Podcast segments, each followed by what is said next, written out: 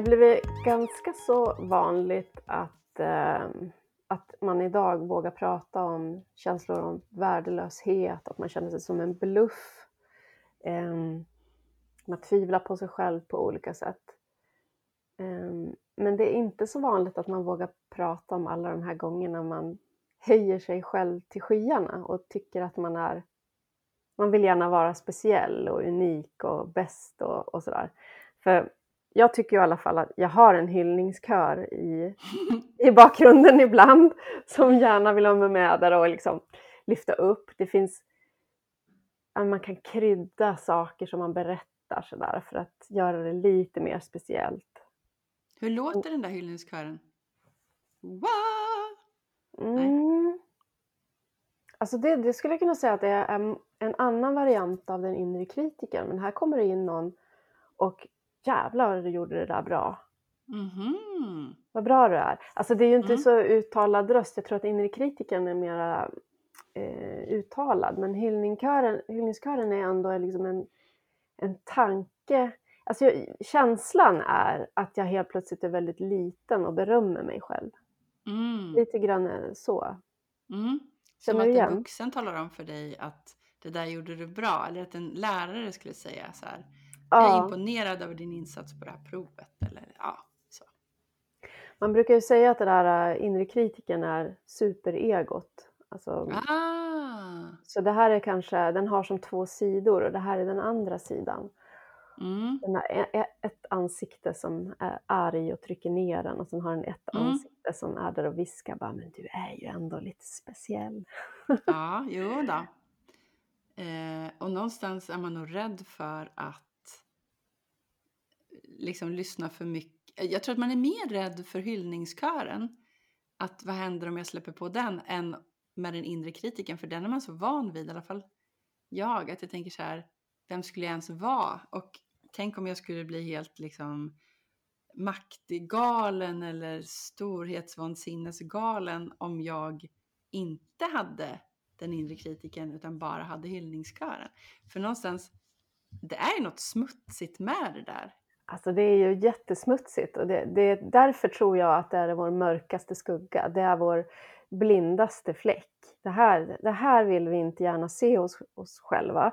Och det kan ju göra att det, det är väldigt få som vill prata om det just för att man inte ens har märkt att man har en sån sida.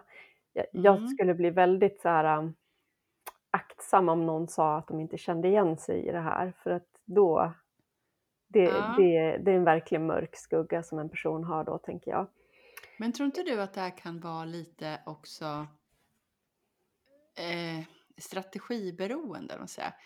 Inte bara utifrån enneagrammet utan också tänka utifrån olika alltså kulturer, olika tider i historien. Att den här hyllningskören kanske inte alls har betett sig eller beter sig heller på likadana sätt eh, oberoende på, på vem, det är som, vem det, är det gäller. Liksom.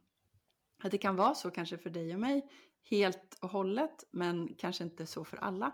Och kanske inte så för, jag tänker att det är en typisk svensk också kanske. Lite där jante, tro inte att du är något, tro inte att du är mer än andra. Eller vad tror du?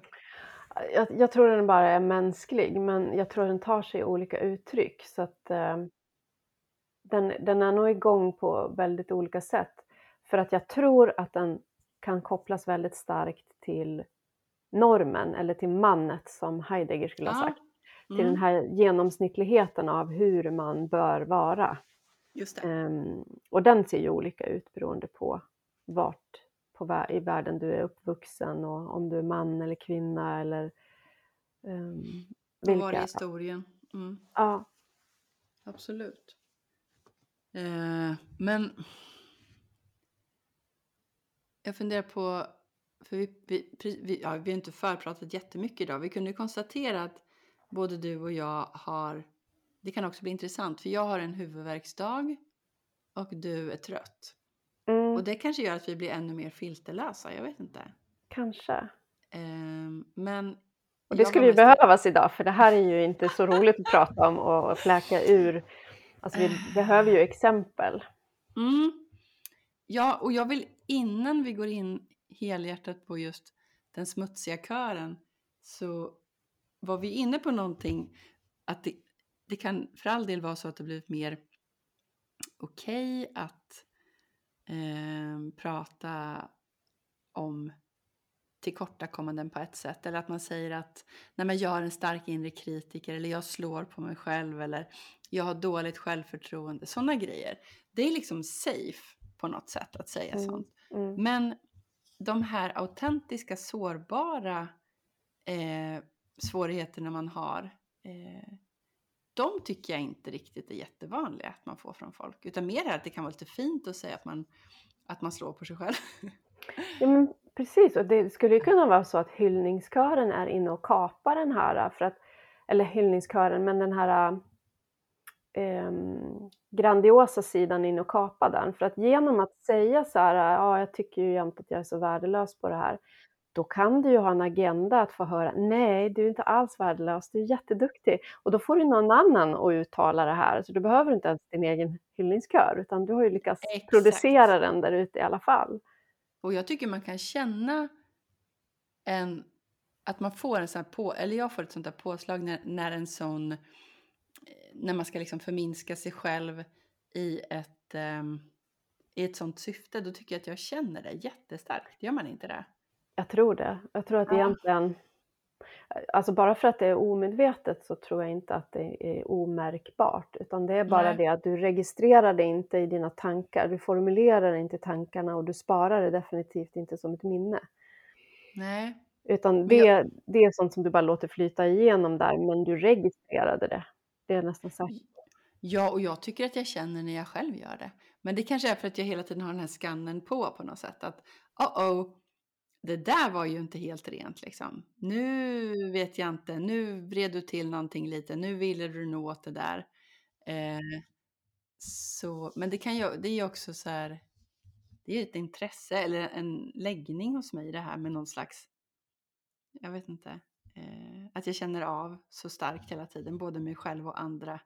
Och eh, sen kan jag ju tolka fel såklart, men väldigt snabb att känna när jag själv är liksom ute och fladdrar i i någon slags fel, eller man ska säga, att eh, nu är jag ute efter, nu är jag lite manipulativ.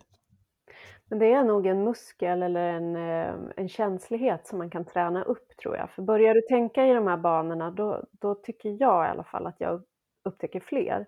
Jag hade en i, ja bara häromdagen, jag kan ju säga den då så har vi ett exempel. Ja! Mm. Bring it!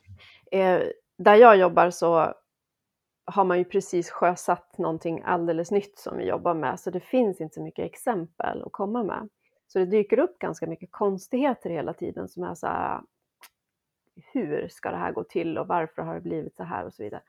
Men så kunde jag känna då när jag, jag hade kört fast, jag bad en person om, alltså du, nu måste vi vara två som tittar på det här. Då kunde jag känna att jag liksom tog i och gjorde det hela som att just jag får så unikt konstiga ärenden. Ah, ja. Och det som hände då, det som jag också kunde registrera var att jag var inte helt mottaglig för vad den här personen sa då.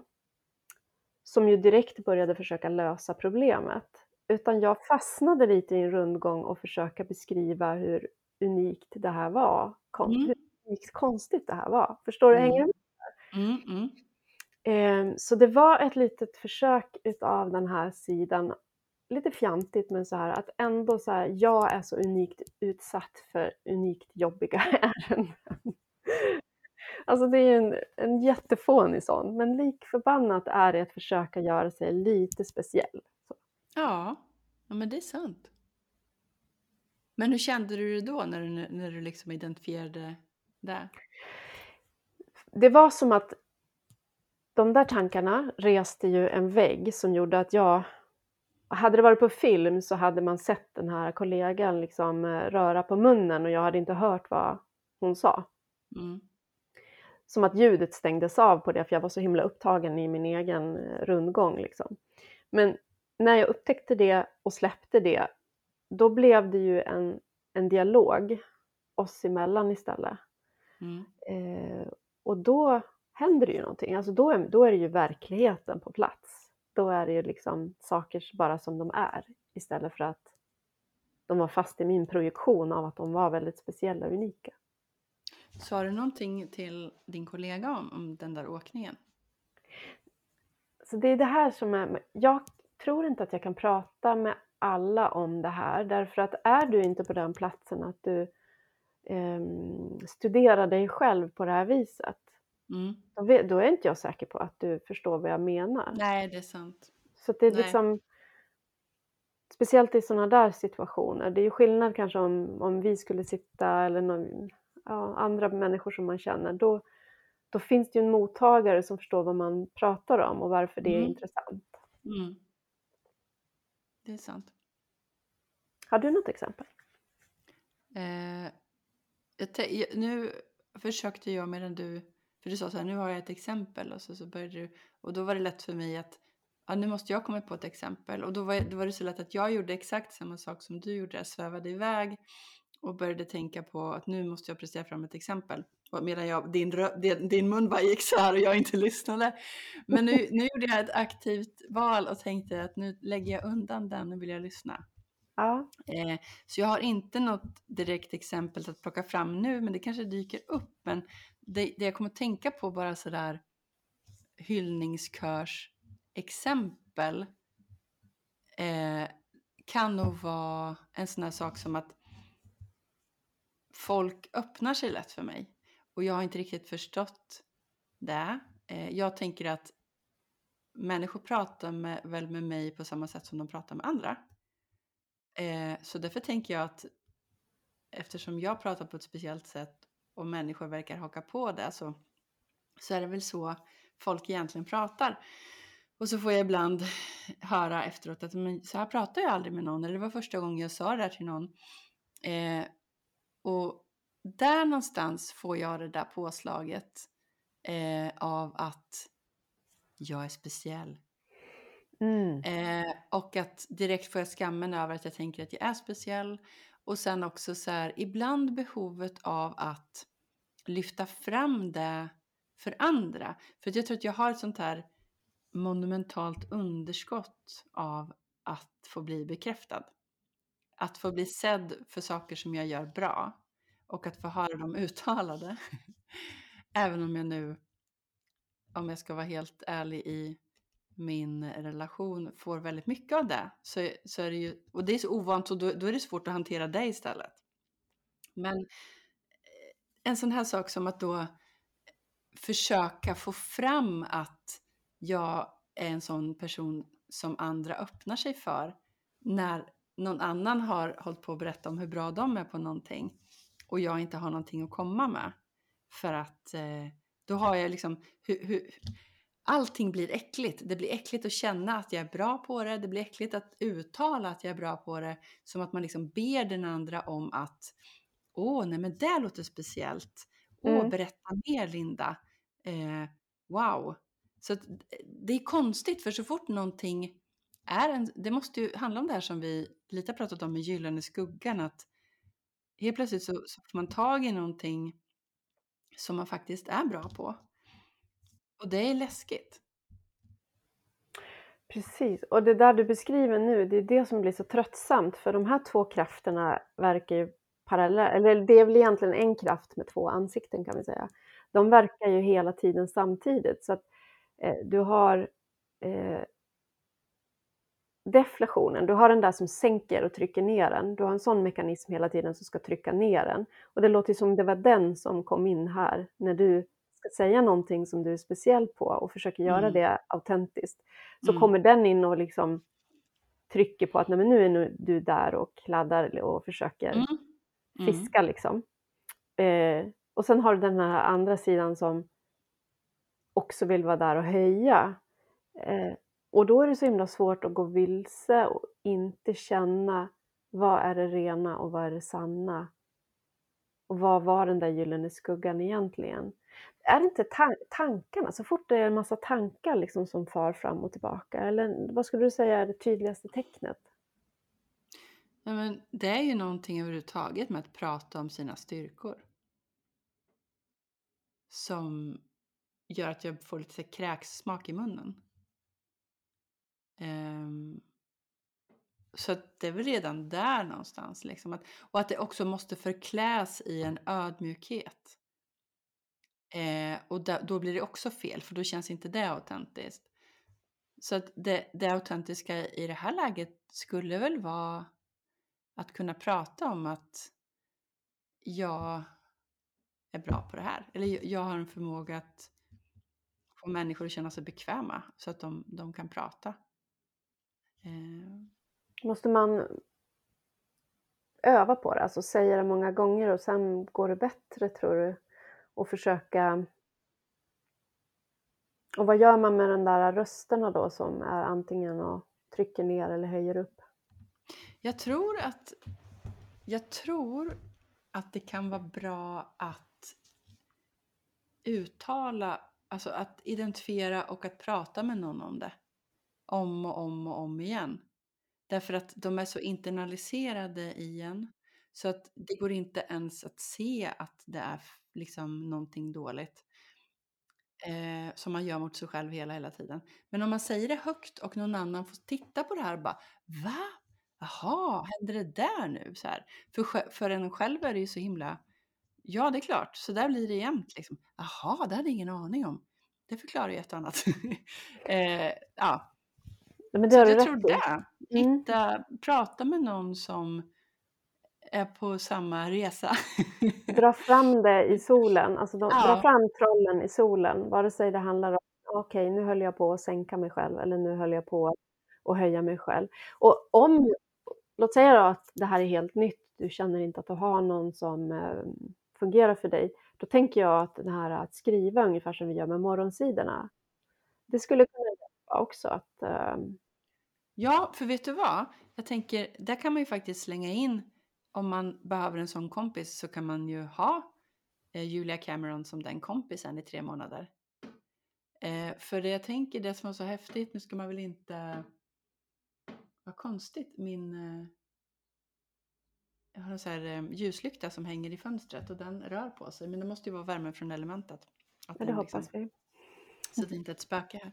Mm. Eh, nej men för det som är så häftigt, även om jag nu kanske att det blir någon slags sån här, vad heter det, när man berättar för mycket om, om en film, att man... Eh, Spoilar. Just det, jag vill inte spoila någonting men jag tror redan jag har sagt det här i ett annat avsnitt. Så, eh, man skriver ju på och man skriver på och eh, man får veta i början av den här boken att du ska inte läsa det här liksom. Ingen ska läsa det här, bara skriv. Och sen efter ett antal veckor så får man som läxa att läsa vad man har skrivit. Och där blev det ju väldigt tydligt, för mig i alla fall, med den här kritiken. Åh herregud liksom. Man ska släpper på det här flow, ja flow och sen bla och ser saker och känner saker och sen bara BAM! Vem tror du att du är? Da, da, da.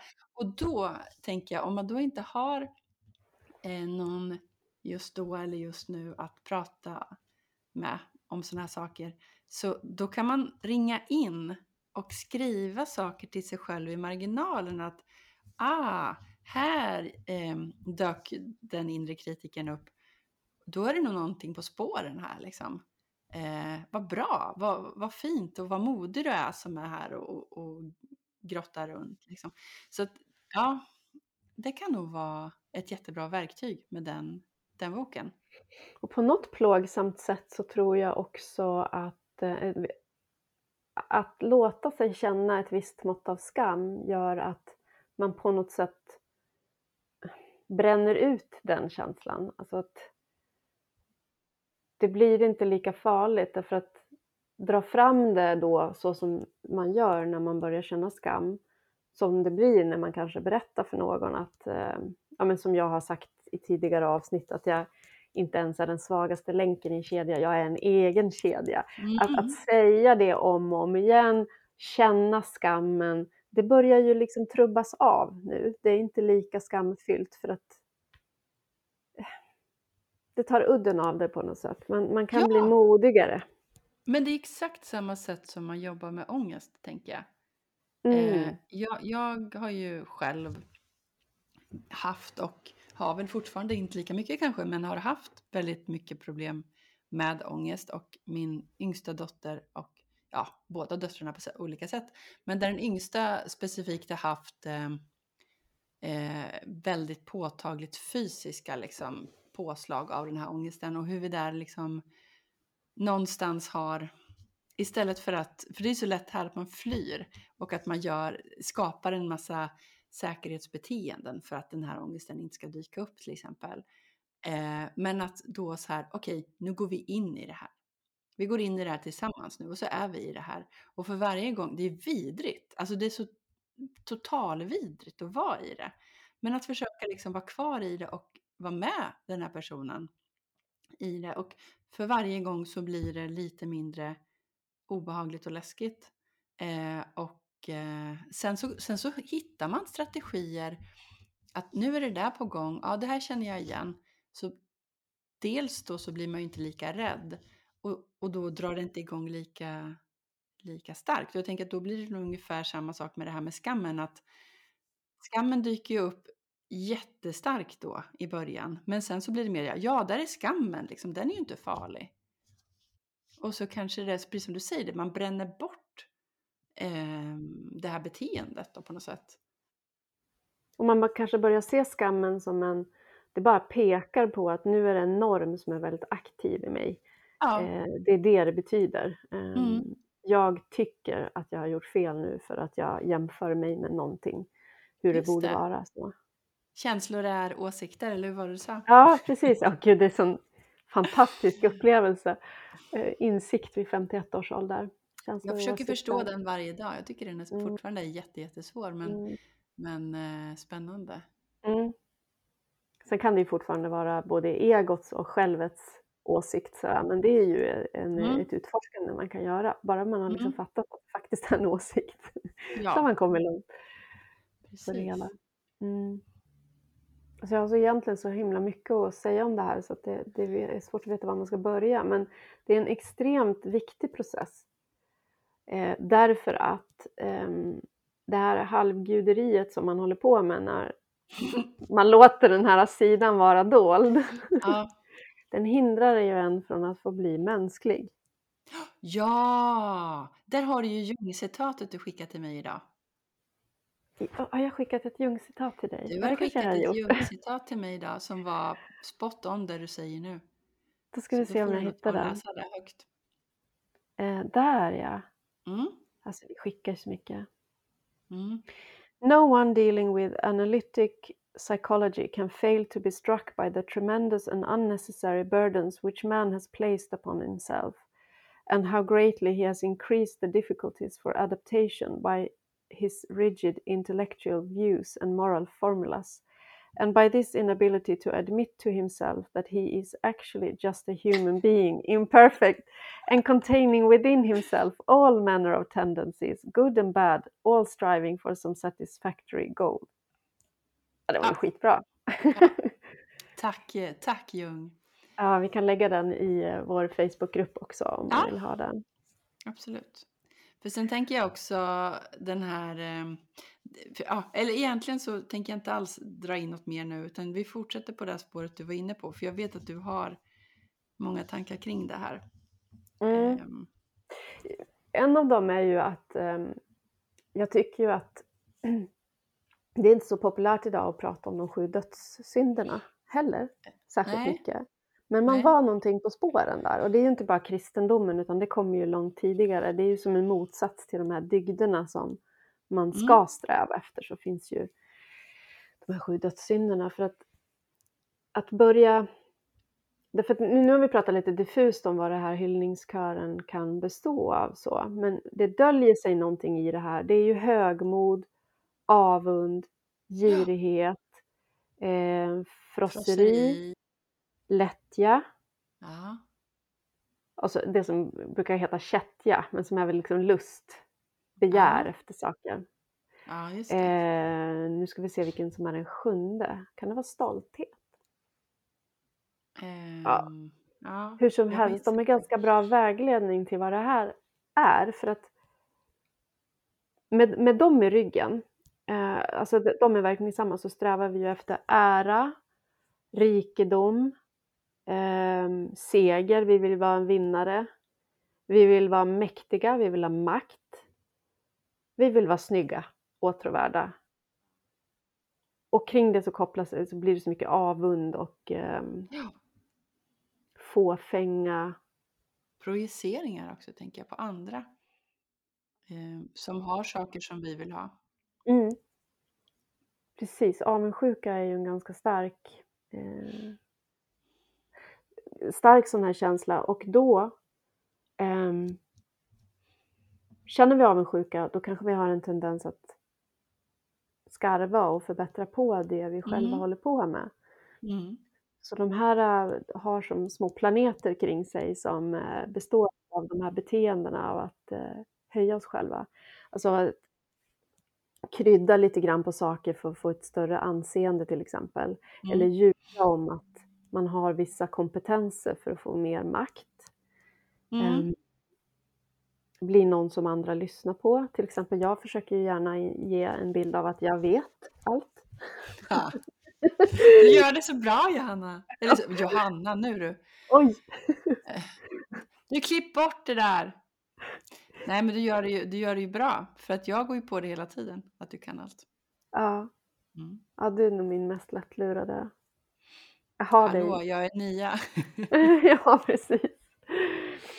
Ehm, självständighet. Att verkligen tro att man inte är beroende av andra. Det är ju högmod om någonting. Ehm, det är jag också Ja. ganska bra på. Och där tänker jag ju gärna att jag ska lösa svåra uppgifter på jobbet till exempel. Eller att Mm. Eh, det kan vara fåniga grejer som att vi har ett sånt här matsalsbord där man kan lägga i en sån här iläggsskiva och det är ganska tungt att hålla på med det där. Men jag kan ju försöka göra det där själv ändå. Men, ja, Förstår du hur jag sliter och försöker använda fötterna och allting istället för att be om hjälp? men du, Mm. nu öppnar sig ju någonting här känner jag. Åh vad härligt Jag- att höra. Nej men jag gör ju allting själv sånt. Eh, Ja. Du vet när jag möblerar, alltså möblerar om saker som egentligen är för tunga att, att överhuvudtaget rubba. Lyckas jag flytta ner i källaren själv. Eh, när jag bodde på med min man så, då hade vi ett jätte, jättetungt stort vitrinskåp. Heter det kanske inte, för det var inte glas, men det var ett väldigt, väldigt tungt gammalt skåp som stod i garaget tror jag.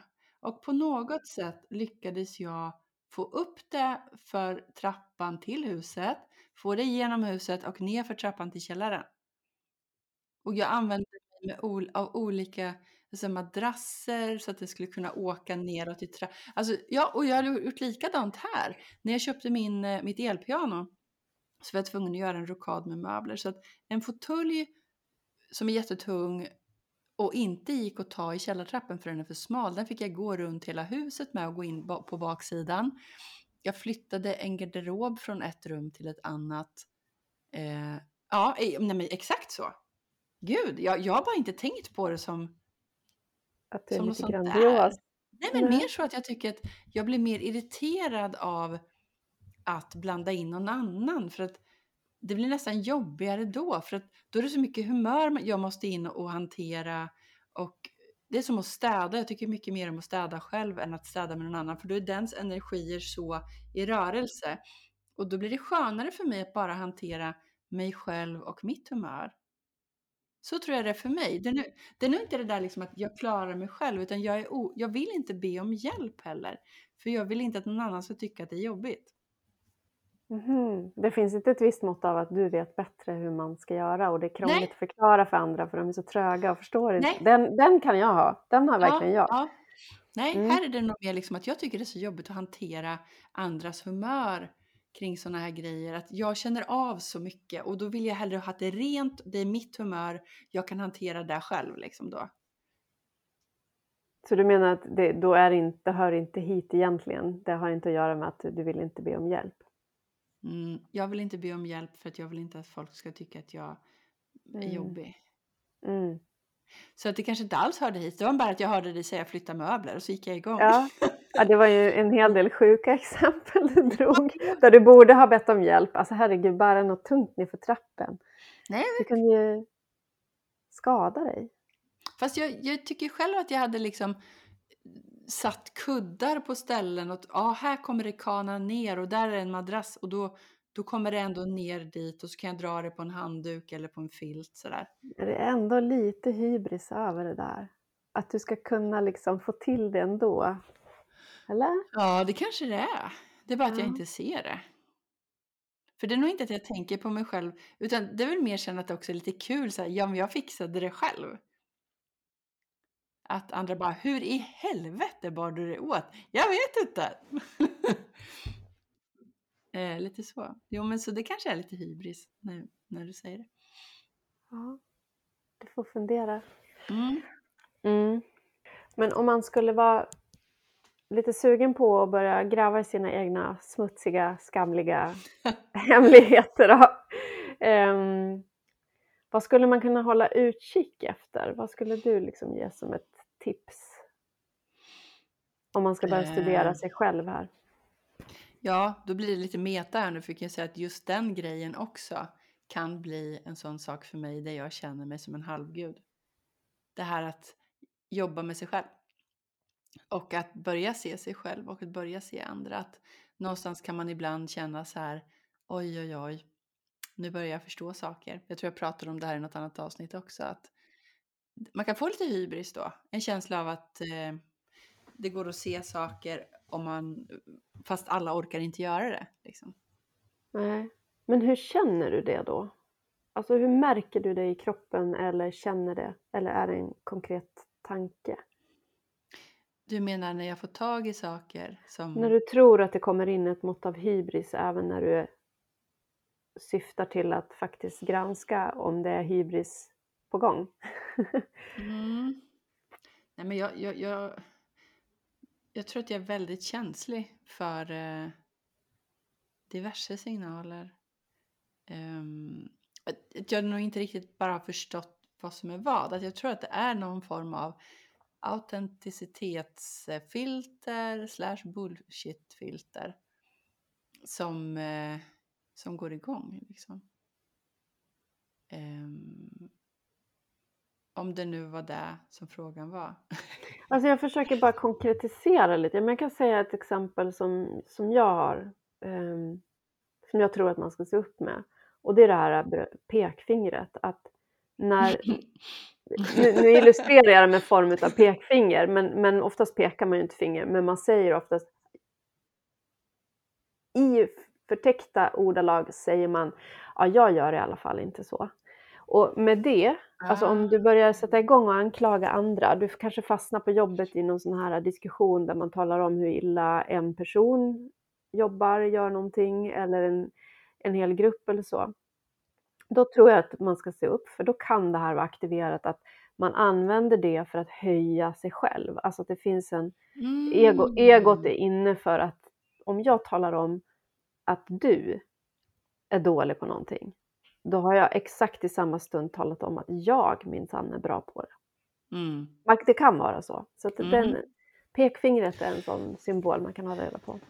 Det är lite roligt för nu när du visade upp pekfingret så kommer jag ihåg från ett tidigt avsnitt när du pratade om när du gick in till en kollega och just hade, hade ett laddat pekfinger.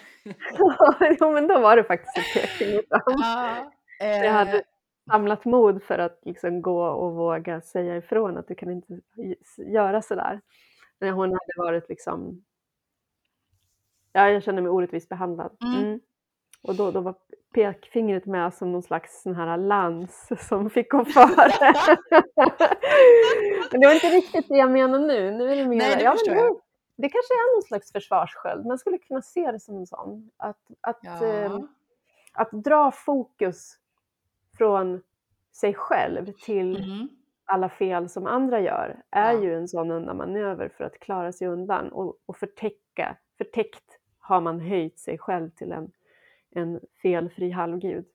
Och kanske handlar det mycket om att eh, eh, göra det för sig själv. Alltså kanske inte lika mycket att man gör det för andra utan att man faktiskt genom att eh, kritiserar någon annan för någonting så mörkar man, eller så liksom, det är inte så att det är inte så att man mörkar för andra först och främst kanske, utan för sig själv. Att jag är åtminstone bra på det här. För att jag tror att den här kampen pågår så mycket i en själv. Och det är mycket projektioner också utåt så. Men eh, till stora delar pågår nog den här striden mellan det onda och det goda i dig, tänker jag. Ja, absolut. Och, Och projektionen är ju strategin på något sätt. Det jag, det jag inte står ut med hos mig själv, det förlägger jag där ute på någon Exakt. annan. Exakt, så därför så tror jag att pekfing eller det här att eh, så där gör absolut inte jag, är ju verkligen någonting att lyssna på då, även om det är asjobbigt. Men jag tänker allting egentligen som man stör sig på, Ja, kanske, hos andra ja, precis. Du behöver inte ens diskutera det med andra, utan det kan bara vara tankar i ditt eget huvud som funkar som ett pekfinger på att den där är ju si och så. Sån är i alla fall inte jag. Ja, någon tar plats på ett möte och pratar för mycket. Ja. Och så, och så tyck, stör man ihjäl sig på det och så tänker man att men det där går ju jag och, och tänker på hela tiden att jag minsann inte ska ta för mycket plats. Det borde han också göra. Eh, så att då är det väl säkert, eh, ja, men det som jag pratade om förut, det är skuggan som liksom dyker upp eh, och ger sig till känna och den eh, har man ju jobbat hela sitt liv för att trycka ner. Så då blir det ju en, en vandrande provokation att någon går runt och gör sådär. Ja, som amatörer. Så Ja. öppet. Exakt. Och då, ja men där har vi ju också, nu ska jag inte hålla på och snacka om citat hela tiden, men jag skickade en skuggig grej till dig som jag tycker blev väldigt eh, talande här också. Mm. Eh, för vi har ju pratat så mycket om skuggan eh, och skuggarbete och för mig är det ju ändå så att det har blivit laddat. Själva ordet skuggan är ju laddat med någonting lite negativt eller ganska mycket negativt faktiskt. Och så har vi pratat om den gyllene skuggan som mer är liksom de här sidorna då som man kanske inte vågar släppa fram för att man är lite rädd för dem. Eh, men ja, hur står det nu i den där bilden? Kommer du ihåg vem det var som hade skrivit citatet? Men jag kan Eh, börja ja, läsa det. Ja, börja läs. It's a common misconception that the shadow is home to the worst parts of ourselves. But this is false. The shadow is actually home to the rejected parts of ourselves. And for this reason, the shadow is full of untapped potential and creativity. Och det här är så himla bra. För att, och det den säger är ju inte att eh, allt vi har tryckt ner är det Jung kallade för gyllene skugga, att det är liksom fallenheter vi är bra på, utan den säger ju att bara det att vi, vi har sånt otroligt fokus på att inte visa att vi också är mänskliga, Mm. då har vi ju lagt energi på helt fel saker och verkligen eh, eh, missat att blomma ut i, i någon potential, för vi har lagt kraften på helt fel ställe. Ja, för det är så intressant också att vi har på något sätt eh, det som i vår kontext då har eh, ja, det, vi, det vi har tolkat som felaktiga beteenden i vår kontext utifrån både så socialt, historiskt, eh, kanske hade varit någonting väldigt eftersträvansvärt i ja, en annan familj. Mm. Eh, men då är vi så liksom präglade av den här synen på till exempel, vad kan vi ta? Ja men att ta plats. Till exempel. Så att då, det, det är ju bara en självskriven, det är, det är ju en sanning liksom. Och då är, då är den sidan hos en själv liksom som, att man, alla har väl en längtan efter att också få, få ta en viss plats och vara synliga. Mm. Eh, då blir den så oerhört belagd med skam. För man vet att den är fel och ändå kan man inte låta bli att känna så. Och det är så mycket sånt där tänker jag som, som vi on, alltså som blir så onödigt svårt för oss. Och som också blir onödigt laddade och som gör att vi är där och grejar med dem på ett icke-autentiskt sätt för att de är laddade eftersom de är skamfyllda. Men om de inte var laddade längre och vi kunde använda oss av dem på ett rent sätt, då tänker jag så här, fasen vilken potential som ligger där och väntar. Ja, det du säger nu är ju poängen med att faktiskt uppmärksamma det här. Det är ju att frigöra energi till att bara vara så som du är. Att kunna släppa fram släppa fram det som är viktigt och det som är kopplat till verkligheten och vad du är bra på, vilka behov det finns där ute istället för att vi alla går runt i de här låtsasprojektionerna Mm. lite grann och har fokus på um, att snarare upprätthålla alla de här uh, konstiga förväntningarna och reglerna som vi, normerna Mm. som vi har låst in varandra i. Vi är Mm. upptagna med att hålla varandra i de här boxarna som, Ja, exakt. som vi alla är inneslutna i. Mm. Och om någon då har mage att bryta sig loss ur en box så blir ju det jättejobbigt både för den personen och för alla runt omkring. För vad säger det då om min box? Ja. För, för det första så kanske du blir riktigt medveten då om att du själv står i en box, för du känner själv hur trångt det är. Liksom. Hur kan den här personen ha mage och ta sig de här friheterna? Um, Ja, och då, att, ja, Det kan ju liksom också gömma sig under, man känner en avundsjuka.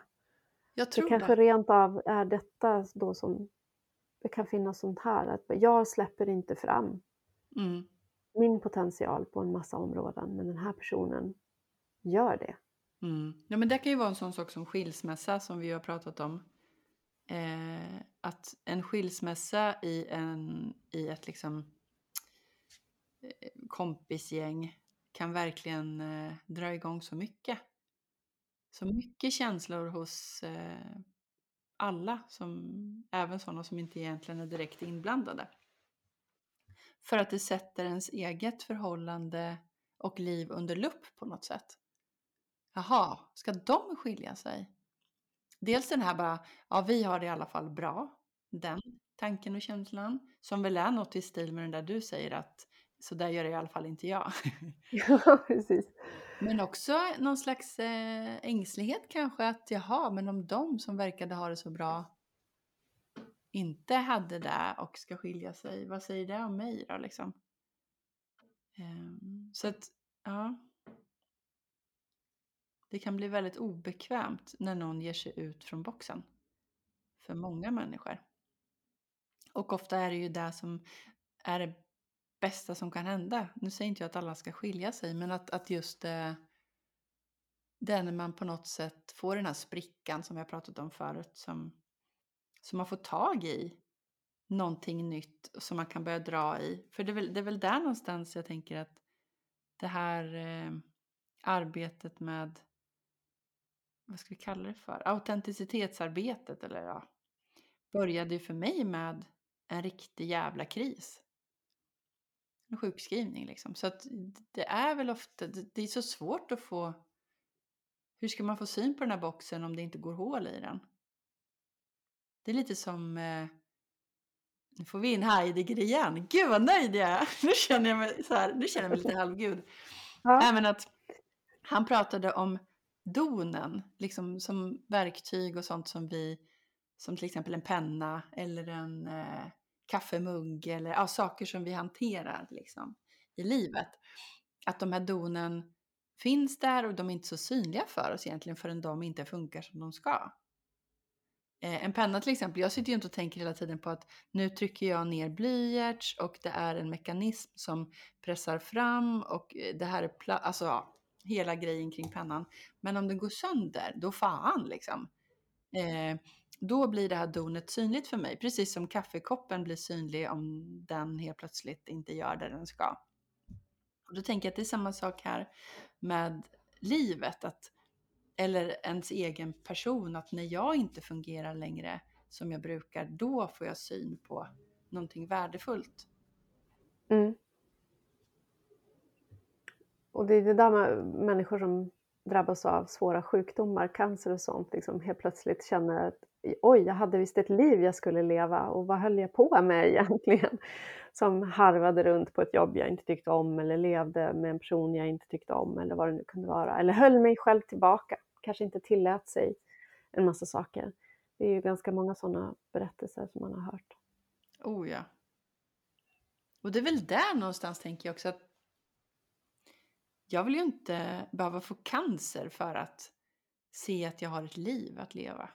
Och det tror jag också så här att på tal om enneagrammet igen att strategi 9 ganska ofta har somnat ifrån sitt eget liv eh, på olika sätt.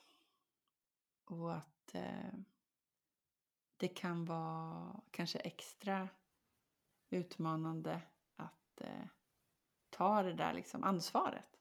Mm. Och det ska man nog vara beredd på om, om det här låter nytt för en och man börjar och leta efter olika sätt som den här uh, sidan av superegot är igång på som, som vill se, uh, som är grandios helt enkelt så, så kan det börja leda till en massa obekväma förändringar för omgivningen och kanske obekväma för en själv och så i slutändan. Men det är en väg till frihet. Ja. Verkligen. Jag, jag, jag kom på lite så exempel på något som jag tror kan vara exempel på det grandiosa egot. När, när, eh, när någon säger så här, om någon har lagat mat till exempel och så säger ingen någonting om maten. Eh, och så säger personen som har gjort maten att jag måste nog säga att det här blir faktiskt riktigt gott. Eller eh, om en person har till exempel, vad kan det vara? Ja, men gjort någonting på jobbet. Eh, säger i något möte också så här typ att det här måste jag ändå, säga, ändå liksom säga det, att det här, det här gjorde jag ganska bra. Eh, att man hör på något sätt hur otroligt noga man är med att låta ödmjuk. Och samtidigt så måste man på något sätt visa upp att det här har jag gjort. eh, beröm mig, snälla. men, eh, vilket bra exempel. Mm, och jag, men jag tänker liksom det här är, det, den där matgrejen tycker jag är så klassisk. Eller att man säger något om några kläder eller... Ja. ja jag, jag, vet inte. Hela jag är riktigt nöjd med den här tröjan ändå. Alltså, ja. Ingen har sagt något men... Nej. Alltså, jag, nej, men jag, jag, kan, jag handlade ju, jag var ute och shoppade lite igår och det blev ju lite grann och så försöker man slänga ut en krok, ingen nappar. Uh, nej men den här tröjan blev ju ändå ganska bra. Alltså. Mm.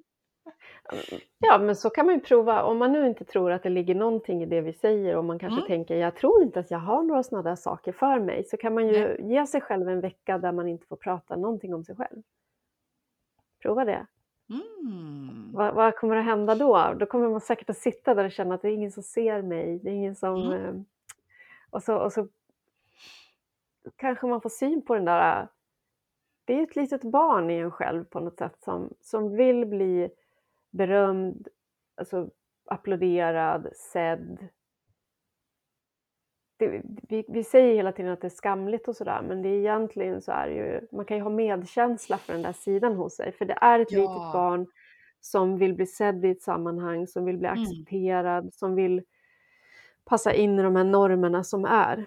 Och det handlar ju både det här när man sänker sig själv och höjer sig själv så ja. är det ju det, är det det går ut på. Att att bli en sån form som passar i den här eh, hinken som barn har, du vet, där de ska trycka ner formen genom ja, en stjärna exakt. genom en stjärna eller en ja. trekant genom en trekant. Det är det det går ut på. Vi ska bli en form som accepteras i det där locket. Ja. Ja, gud vad man har fått slipa bort hörn och eh, skruva till sig och försöka bli en triangel fast man är en cirkel. Mm. En stjärna bara för att man ska få ja, ja, komma igenom det. Mm. Nej, men jag mm. tänker jättemycket igen på, jag återkommer ofta till den där slutscenen i Rocketman, när han kramar sitt, sig själv som liten. Och hur man verkligen kan se eh, både det här värdelösa och det grandiosa. Och hur, hur det här, det är också ganska intressant, vi pratade om det jag och min eh, mm, allt låter fånigt, pojkvän låter fånigt, man låter konstigt för han är inte min man. Men vi pratade om just det här med värdelöshetskänslor, att det kan i sig, det, det kan vara lika mycket flykt som, och att man kan bli beroende av att gå dit. Eh, den här, eh, den här, eh, jag är ändå värdelös så att det spelar ingen roll. Och att det, det kan bli ett flykt från ansvar också. Och det kan bli ett beroende för det är så tryggt att känna sig värdelös. För att det är dit man alltid har gått. Eh, så att det är väldigt också, det är väldigt svårt att, att göra slut med eller att eh, förändra de här destruktiva mönstren för att det är också tryggt. Det är som med mig och oro, jag går ju dit liksom. Hur smart är det? Hur smart är det att gå omkring och tänka på att folk ska dö hela tiden eller vara sjuka eller att det ska hända olyckor?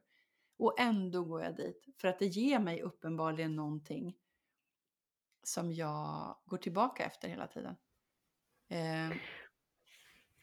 Nu tänkte jag på det där när du sa värdelöshet. Det kanske inte passar på ditt exempel som du sa här sist, men någonstans, någonstans möts ju de här två. För att egot är ju, egot vill hela tiden särskilja dig från alla andra.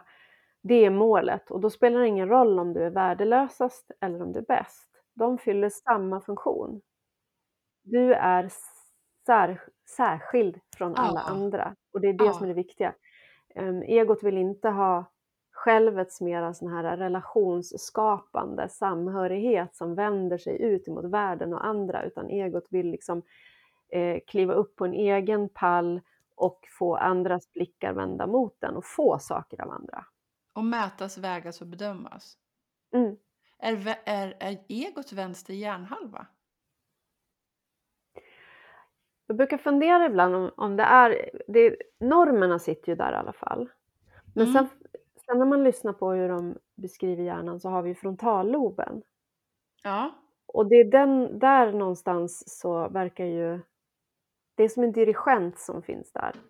Mm. Som skulle kunna vara egot. Så jag vet inte om man kan säga att det bara hör hemma i vänster hjärnhalva. Nej. Eller om vi har en liten egobit i varje frontallob. det låter ju eh, lite läskigt men ja. Nej men absolut, jag tror också det. Att man, man det är ju igen det där citatet av eh, Söder, Hjalmar Söderberg. Att eh, man, man skyr...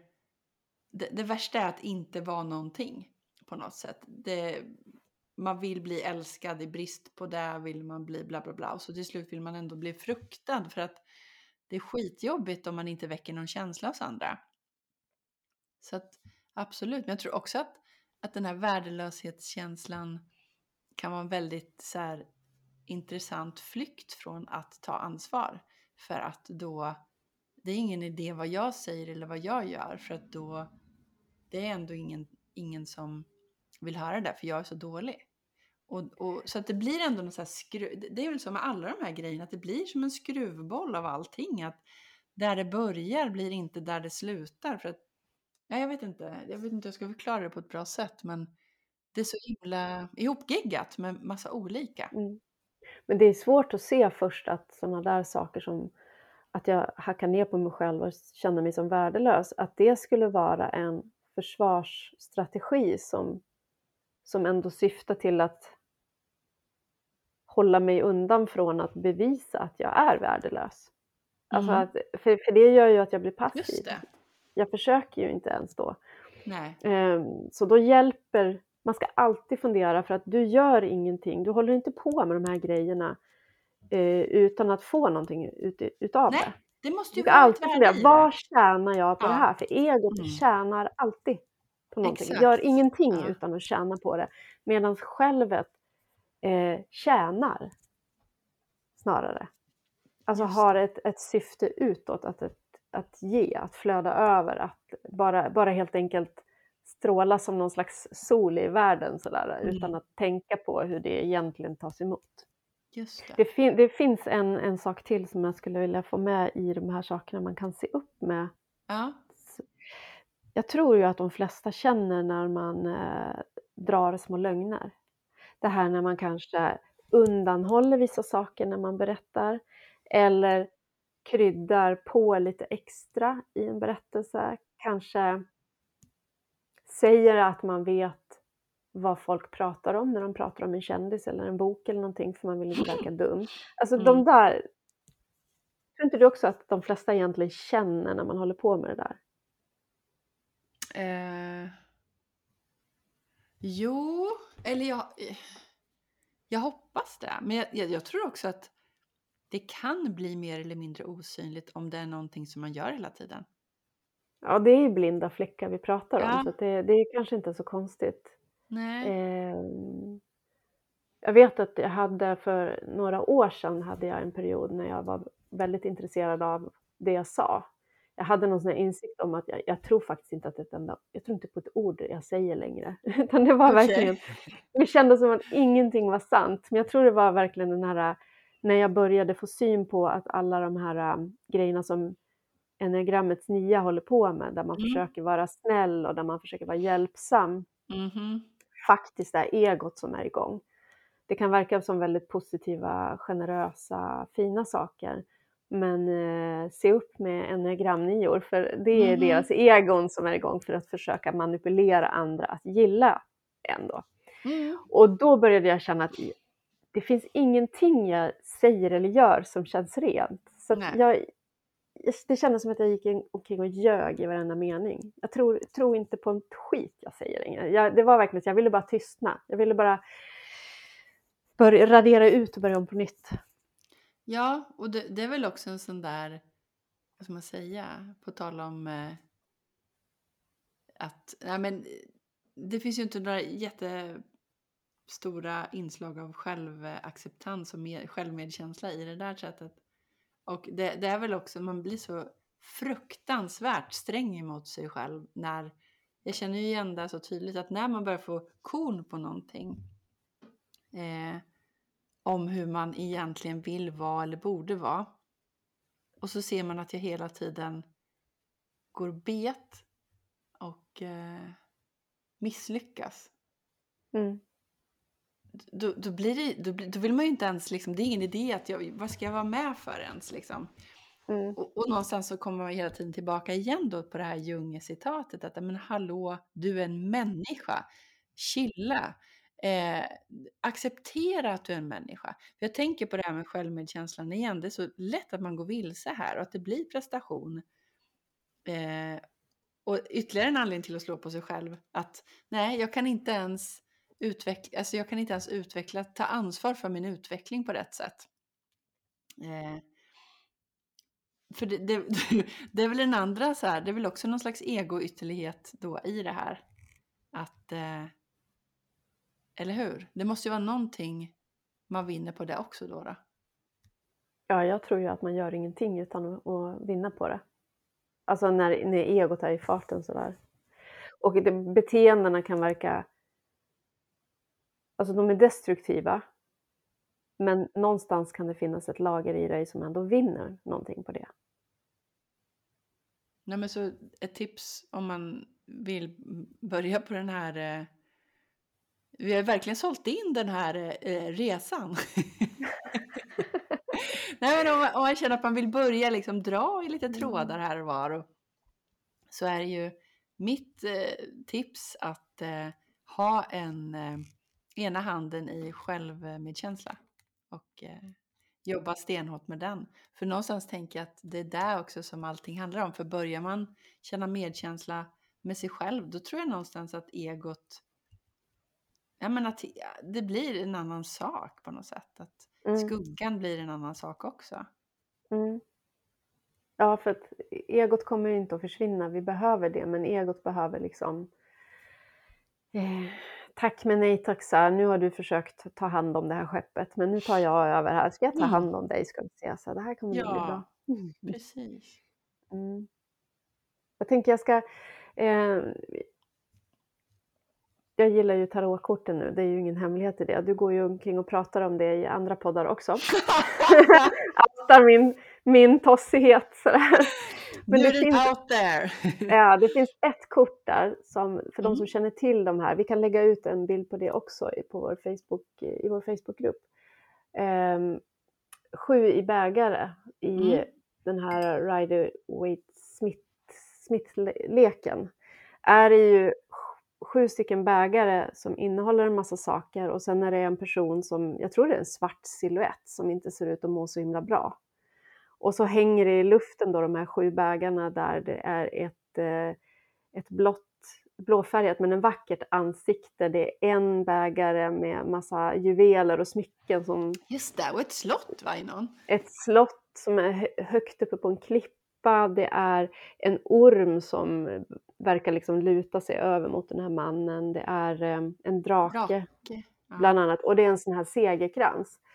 Ja. Jag tror att det där kortet handlar om det här, precis som vi mm. pratar om. Eh, det är alla våra känslor där vi har, försöker, um, vi försöker höja oss själva. Det är vår grandiosa narcissistiska sida som vi måste se upp med för att den lockar oss bort ifrån den här gestalten som också finns på det här kortet. Det är en bägare med en figur som strålar under en, eh, ett skynke på något sätt. Och det tror jag är den där autentiska kärnan i oss, alltså potentialen som, som göm, gömmer sig i det hela om vi bara slutar att lägga energi på och sträva efter de här sakerna som symboliseras på det här kortet.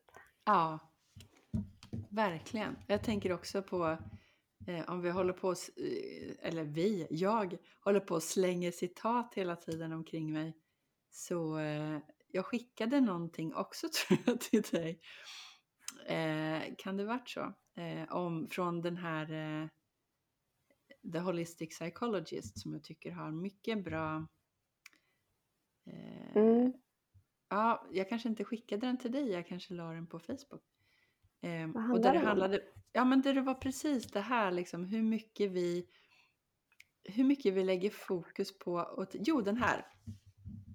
We have an authenticity crisis. We're all masking.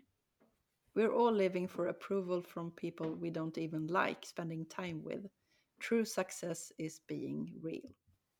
Och då behöver vi lägga ner även halvgudgrejen. Vi, vi är varken en värdelösa demoner eller jävlar eller troll eller vad den här värdelöshetskänslan försöker säga och vi är heller inga halvgudar. Vi är bara människor. I det finns potentialen. Mm.